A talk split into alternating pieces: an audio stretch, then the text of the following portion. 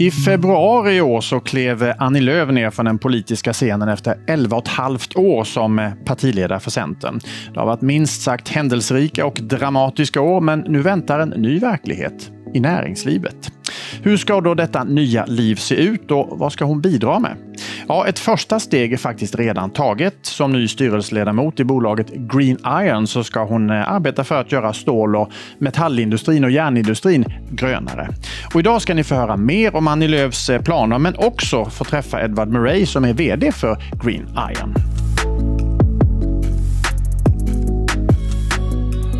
Varmt välkomna till Railers Play-studion båda två. Tack, Tack så mycket. Kul att ha er här. Tack. Du, eh, nu har det gått några månader Annie, eh, sedan du lämnade politiken och, och, så. Hur har det varit so far i ditt nya liv? Jo, men det har varit annorlunda, mm. men det har också varit fyllt med innehåll. Eh, jag är ju inte den som sitter still eh, Nej, jag för mycket. Det. jag har skrivit på min bok som kommer ut i höst, eh, lagt mycket fokus på det och sen har jag engagerat mig just i Green Iron och försökt landa i mig själv, vad jag vill skapa för plattform för mig under de kommande åren. Så att, jag har låtit det ta både lite tid, men sen har jag också lite eh, eh, ja, men jag vill sätta igång så att jag står i startblocken nu. Mm.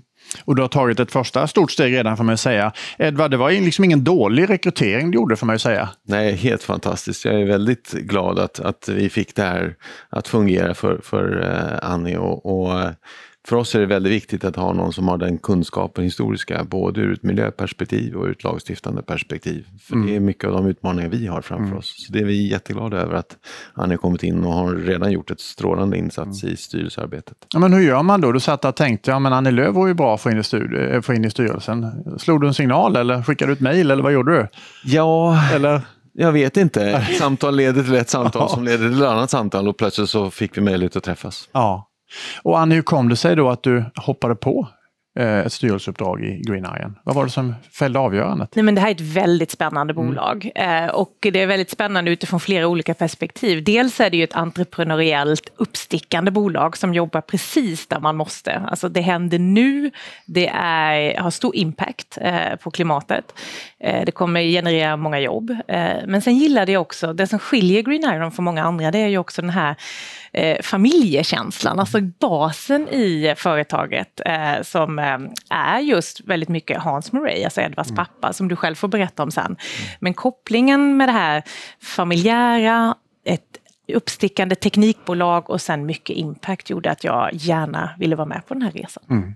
Och vad, vad känner du i ett bredare perspektiv att du, du främst kommer kunna bidra med i näringslivet? Mm. Nej, men jag tror att det beror på vilket bolag man arbetar i. Men i just Green Iron så, så tror jag generellt att jag kan komma in med en förståelse för den breda samhällskontexten och då tänker jag framför allt kring miljötillstånd. Eh, det är en jätteviktig del i nu när vi ska etablera mm. Eh, den första anläggningen. Många och krångliga processer är det ja. ju. Men generellt så tror jag att det vi lär oss i, erfarenhetsmässigt av det politiska ledarskapet tror jag är väldigt viktigt när man är med och bygger bolag. Både ledarskap, organisatorisk kompetens, den kommunikativa delen. Vi är ju som politiker med i att hela hela tiden bygga både varumärken och hantera kriser. Och där tror jag också att eh, min erfarenhet kan komma väl till pass. Så både det regulatoriska, hållbarhetsmässiga men givetvis också eh, det breda ledarskapet mm. som, som vi har med oss. Mm. För min del kan det också vara så, du har ju stor erfarenhet att möta media, det har inte jag, så det kan Nej. jag få lära mig av också. Mm på personligt. Precis, du ska få börja lite redan nu tänkte jag och berätta ja. lite kort om, om vem du är, Edvard Murray. Ja, eh, vem är jag? Ehm, jag är en 50 eh, plus trebarnsfar, eh, morfar som egentligen har en ekonomisk bakgrund, jobbat i finansindustrin men har en pappa som är metallurg. Mm. Som kom på det här med fossilfritt järn och metall i slutet på 60-talet. Mm. Eh, men tyvärr, när vi har satt upp den anläggningen på 70-talet så var det ingen som brydde sig om återvinning och ingen som brydde sig om CO2-utsläpp. Nej. Så den idén hamnade i byrålådan och mognade till Parisavtalet och klimatkrisen kom. Och då mm. blev det dags för oss att komma igång. Mm, då hade du en färdig idé som du bara la på bordet? Liksom. Jag och Eller? jag, men eh, ja. min pappa hade. Och, och sen började diskussionen med som att det här du då pratat om i alla år. Mm. Är inte det någonting som funkar nu. Och det konstaterades ju att jo, men det gör det ju. Mm. Funkade för 50 år sedan, funkar idag också. Eh, så han tog fram ursprungliga ritningar och skapade liksom en, en eh, Ja, vi tittade på vad hänt de senaste 50 åren tekniskt. Mm. Så gjorde vi lite förbättringar och förändringar, så gjorde det mer energieffektivt och mindre underhållskrävande och sen så kom vi igång. Men ekonomen då, Edvard, blev då liksom på något sätt eh, ge sig in i stål, metall och järnbranschen, får man väl säga. Hur, var det steget självklart? Nej, men, men eh, eh, där kompletterar ju pappa och jag varandra ganska väl. Han är ju uppenbarligen väldigt kunnig i stålindustrin och meta som metallurg och, och eh, med den, hans utbildning. Och jag har väl mera jobbat med företagande och finans, finansiering, eh, den typen av frågor. Eh, mm. Så vi har en uppdelning mellan vad vi gör. Mm. Eh, och i början så var ju pappa med på alla kundbesök och tog fram ugnen, körde provkörningarna och sen kom covid och, och då är han tyvärr riskgrupp 1A. Mm. Eh, så då fick han stanna hemma och då mm. fick jag med en brant inlärningskurva. och den har du ju använt på mig då, så när vi träffades lite under hösten så insåg jag ju att du kan ju de här, både begreppen och processen i detalj verkligen. Mm. Så att, ja. Eh, eh, för det är viktigt tror jag också för att få en ökad förståelse om vad vi är på väg, mm. både som företag men som hela samhället. Att på ett väldigt pedagogiskt och enkelt sätt kunna förklara vilken stor samhälls och klimatnytta som Green Iron gör. Mm. Ja, men så är det verkligen. Ja. Men jag tänker alltså, eh, det pratas ju väldigt mycket om då Hybrid och H2 Green Steel som mm. har tagit position i det här. De har väl något slags privat race om vem som blir först med, med att tillverka fossilfritt stål. Då. Men, men jag tänker att till det sällskapet hör ju också Green Iron, får man ju säga. Alltså, hur ser er idé jämfört med Hybrid och H2 Green Steel ut? Vad är det som skiljer om du bara liksom får lyfta ut någonting? Sådär? Ja, kort kan man säga så H2 Green Steel är ju en teknikköpare och ett stål alltså vätgaskunnigt ståltillverkarföretag som köper teknik. Mm. Eh, Hybrid tar ju fram teknik mm. eh, och, eh, som är då vätgasbaserad för att tillverka järnsvamp för stålindustrin. Det kan vi också göra. Eh, skillnaden mellan oss två är att vi är ju så att säga forskningsmässigt färdiga sedan 50 år tillbaka. Mm.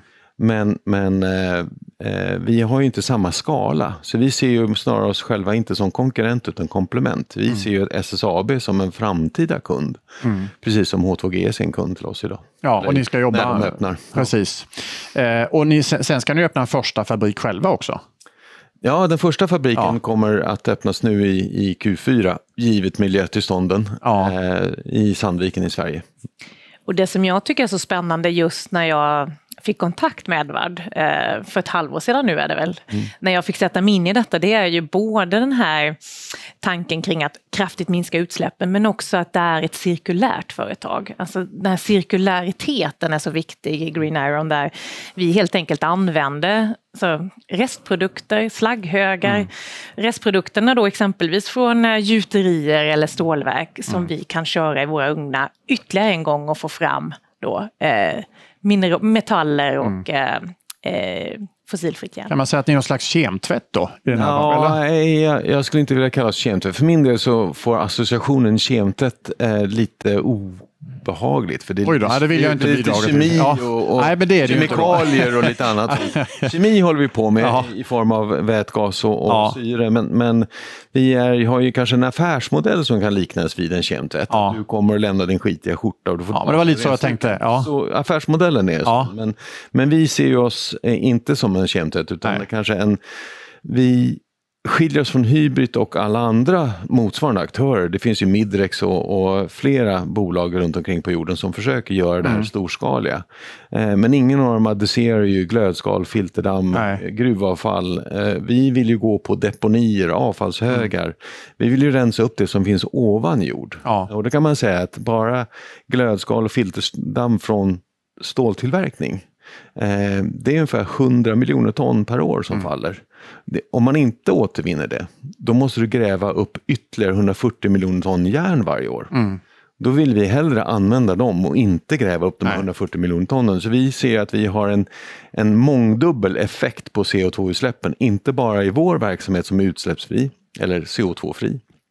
Eh, utan även i, i kringliggande led, kring gruvverksamhet, anrikning, pelletering, transporter och så vidare. Mm. Vad är, är det första råd du har givit Edvard? Kan du säga det eller? ja, nej men... Eh, alltså att, ja och nej. Både ja och nej, ja. nej men eh, jag har hunnit med två styrelsemöten ja. sedan jag klev på i mars månad och eh, det som är så intressant tycker jag nu när, vi, när, när ägarna bygger eh, den nya styrelsen, det är att vi står, kommer in med många olika tunga kompetenser. Mm.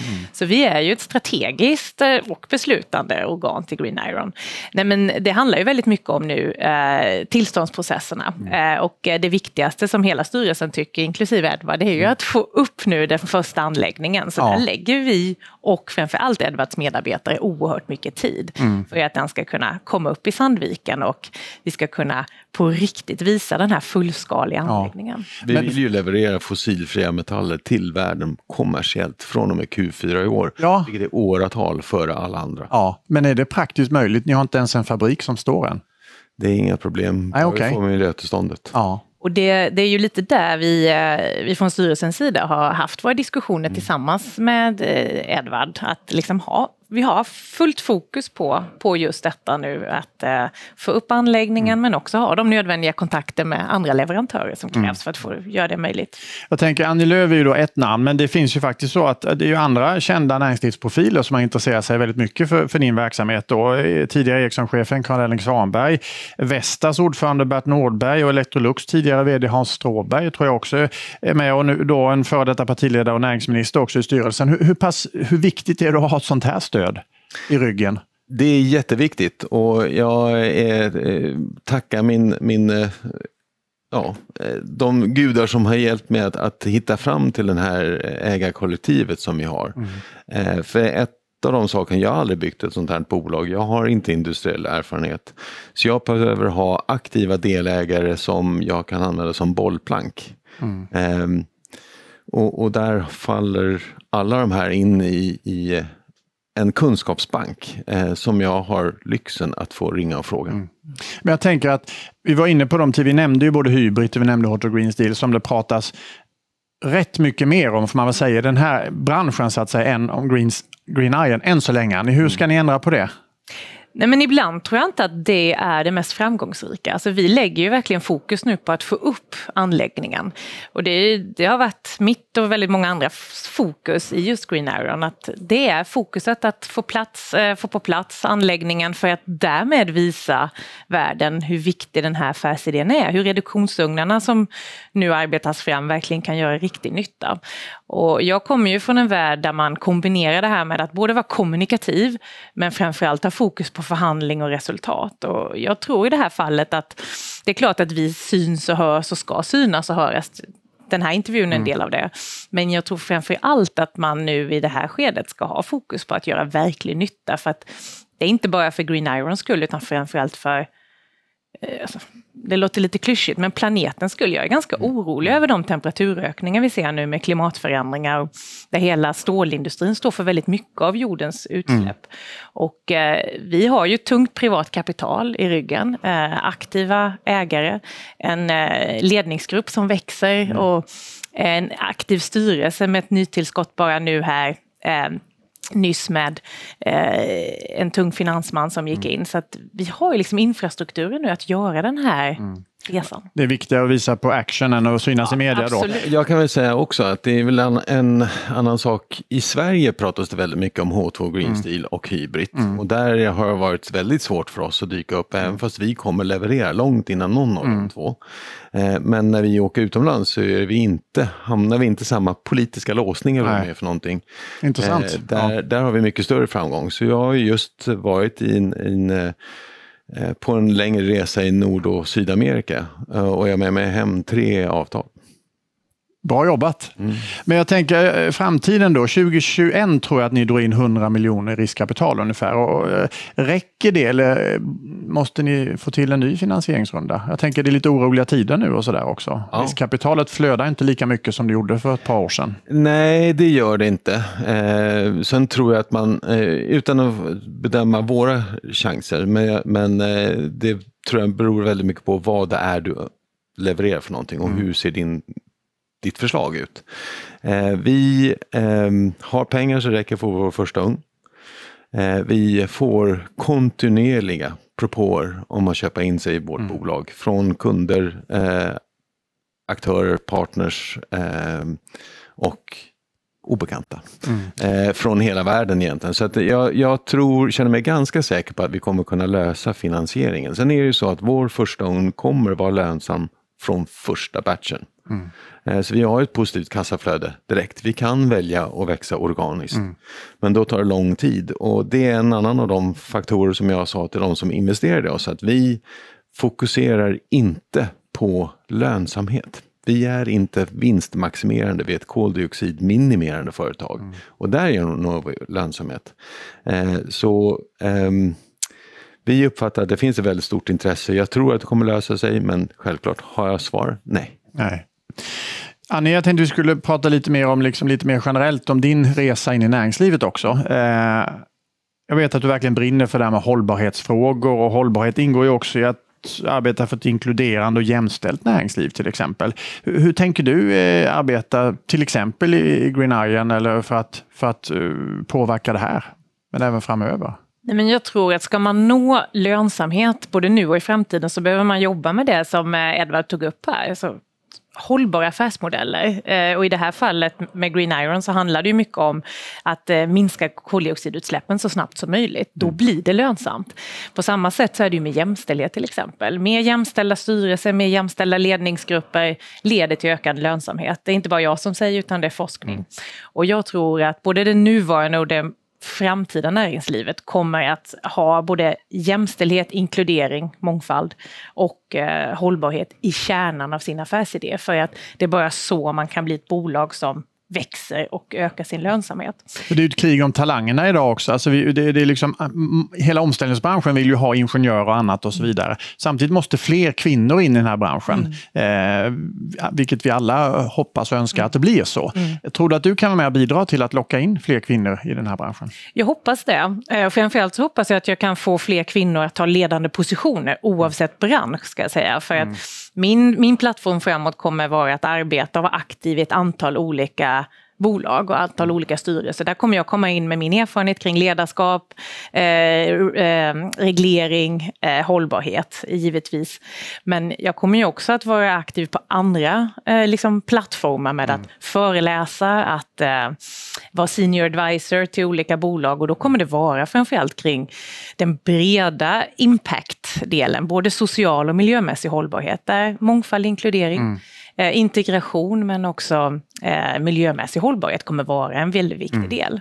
Och genom det så hoppas jag att fler ska få upp ögonen för hur hur viktigt det är att vi är många som är med på det, liksom den här moderna vägen framåt. Eh, mm. Där, man, där man driver samhällsutveckling egentligen, både politisk och näringslivsmässig, genom att ha starka värderingsdrivna ledare. Mm. Du, jag tänker också ledarskap var du inne på själv. Du har ju många år erfarenhet av det. Det är väldigt speciella tider vi lever i nu. Alltså både miljön har vi tagit upp, det är ett krig i Ukraina, det är bistra tider rent ekonomiskt och så vidare. Vilka krav ställer det på att vara en ledare idag, på, på våra ledare som finns? Man måste vara uthållig. Mm. Eh, och man behöver ha en tydlig plan om vad man ska. Man måste omge sig av bra kompetenta medarbetare. Eh, man behöver eh, ha fokus på uppgiften, tror jag. För det är så otroligt mycket abstraktion runt om och så många som pockar på uppmärksamhet. I mitt fall när jag var politiker så var det ju ett utspel i timmen för någon annan. Mm. Men det handlar ju om att ha fokus på uppgiften. Sen tror jag eh, rent generellt att eh, vi behöver jobba mycket mer med samarbeten av olika slag och det är ju en kärna i Green Irons verksamhet, att se eh, andra medspelare, andra som jobbar med grön omställning, inte som konkurrenter i första hand utan som samarbetspartners för att vi gör det här tillsammans. Mm.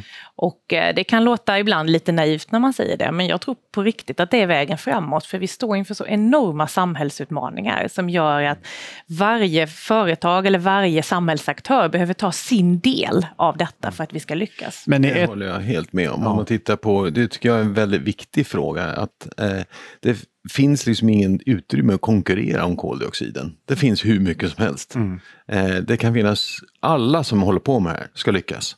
För det finns ingen väg för oss framåt för oss om inte alla lyckas. Nej. Eh, det är ingen idé att tro att vi kan göra, lösa allas problem. Ingen av oss kan lösa det ensamt. Vi måste mm. göra det tillsammans. Mm. Samarbete är A och O. Både mellan företag, mellan branscher, mellan land, länder och regioner och mm. akademi. Jätteviktigt. Intressant. Jag tänker det du sa om ledarskap också, att våga vara, alltså är en av din, ett av dina råd då, att våga vara, tänka långsiktigt även i en orolig tid? Så är det. Ja. Att våga tänka långsiktigt. Hur ska man våga det då? Jo, men det handlar ju om dels att vara, alltså, som är man vd eller är man ordförande till exempel, eh, eller som jag, ledamot i en mm. styrelse, att våga våga liksom både fatta exekutiva beslut men göra det med siktet inställt på det långsiktiga målet. Ja. Eh, det, är, det är helt avgörande tror jag för att eh, ibland, nu är det inte så i Green Irons fall, eh, men i många andra fall så kostar det lite mer att göra de här nödvändiga stegen om man är ett redan etablerat stort företag. Och så ska man göra en grön omställning. Då kommer det ha initiala kostnader som man måste motivera både för investerare och ägare att göra detta för att sen nå mm. Eh, en bättre position framåt. Och när man då gör de här omorganisationerna eller neddragningarna eller uppskalningarna så skaver det oftast mm. i en organisation. Och då gäller det som ledare att vara uthållig och ha fokus på det långsiktiga målet, att besluten på vägen faktiskt leder dit. Mm. Ja, det är intressant det där tycker jag, hur man, hur man ser på ledarskap och hur man vill styra i sådana här tider. Jag tänker politiken, som du ganska nyss har lämnat, kan ju ibland få kritik för att det är väldigt kortsiktigt. Man kan måla upp visioner, det är en politiker väldigt, väldigt bra på. Sen ska det omsättas i praktiken och så kanske kommer det andra omständigheter och i ett val så spetsas allting till och det är vallöften och så vidare. Det här med långsiktighet i politiken kontra ditt nya liv, så att säga, skiljer det sig något åt? Ja men väldigt mycket. Å andra ja. sidan så vill jag säga att politiken är ju viktig om den sköter sig. Mm. Så att säga. Politiken är ju så otroligt viktig för att ge långsiktiga stabila villkor. Det handlar ju om kompetensförsörjning, att det finns tillräckligt bra utbildningar, det handlar om investeringar i infrastruktur, det handlar om kortare miljötillståndsprocesser. Men nu är ju är ju tyvärr eh, både alltså politiken i baksätet. Det är ju näringslivet som nu mm. kör utvecklingen framåt trots att politiken håller tillbaka dem. Och det blir ju ett problem när vi behöver liksom, eh, fel uttryck nu i klimatomställningen. Vi behöver liksom gasa på mm. eh, och då hänger inte den svenska politiken med riktigt. EU ligger ju nu tack och lov lite på framfötterna och det händer mycket vad mm. gäller reglering. Positiv reglering. Mm. Eh, men här är jag orolig för att man inte tar de initiativ som ligger på bordet och till exempel korta tillståndsprocesserna mm. nu rejält för bolag som är utsläppssnåla eller som inte har några mm. utsläpp. Du, sista frågan innan vi slutar här. Vad tror, finns det någonting du kommer sakna med politiken? Ja, men jag har funderat på det där. Eh, ja, alltså det jag har tyckt var roligt med politiken det är ju passionen och drivet och liksom värderingarna, förhandlingarna. Men det kan man ju få i näringslivet. Mm. Men det jag nog kommer sakna det är ju att sitta på de där gruppen och verkligen göra skillnad. Alltså sitta och förhandla fram lagstiftning och rösta igenom den, mm. som man ändå gör, inte minst när man sitter i regering. Eh, det kommer man ju sakna. Kanske makten då? Ja, ja okej. Okay. Ja, ja, makt. På det sättet. Men jag får ju en annan sorts makt nu, impact på något sätt, där man kan mm. påverka på andra sätt. Ja, du får ringa dina gamla polare och försöka påverka också. Ja, hörni, det var väldigt trevligt att ha er här båda två, eh, Annie Lööf och Edvard Morey. Och eh, om jag tolkar er rätt så kommer det finnas en fabrik i Sandviken på plats i sista, någon gång sista kvartalet i år då. Det är det vi hoppas på. Det är det ni hoppas på, ja. Men vi får inte montera den innan vi fått miljötillstånd. Nej, precis. Det kan glida. Och det här är bland annat någonting du kommer jobba hårt för som styrelsemedlem i Ja, i tillsammans med övriga styrelser och företag. Ja. Hörrni, varmt välkomna tillbaka. Jag ser fram emot att ta ett snack kanske sen när när det verkligen är en verkstad om man säger så. Absolut. Och inte snack bara. Nej. Även om Precis. det är liksom, ja. Vi längtar efter den dagen Ja men vad fint, men då bestämmer vi det tycker jag. Jättekul att ni kom hit. Tack så mycket. Tack så mycket. Ni har tittat på en intervju med eh, Annie Lööf och Edvard Murray. Edvard Murray som är då vd för Green Iron och Annie Lööf som är ganska nybliven styrelsemedlem i detta bolag som heter Green Iron. Alltså. Ni har tittat på Rails Play. Hoppas ni tyckte intervjun var spännande. Det dyker upp mer personer med nyckel, intervjuer med nyckelpersoner då i hela den här omställningen. Vi ses om ett tag. Hej då! Du har lyssnat på podden Nytänkarna med Jesper Börjesson. Vill du se en filmad version av det här samtalet och andra intervjuer så finns vi på Youtube och där heter vi Railers Play. Tack för att du lyssnade!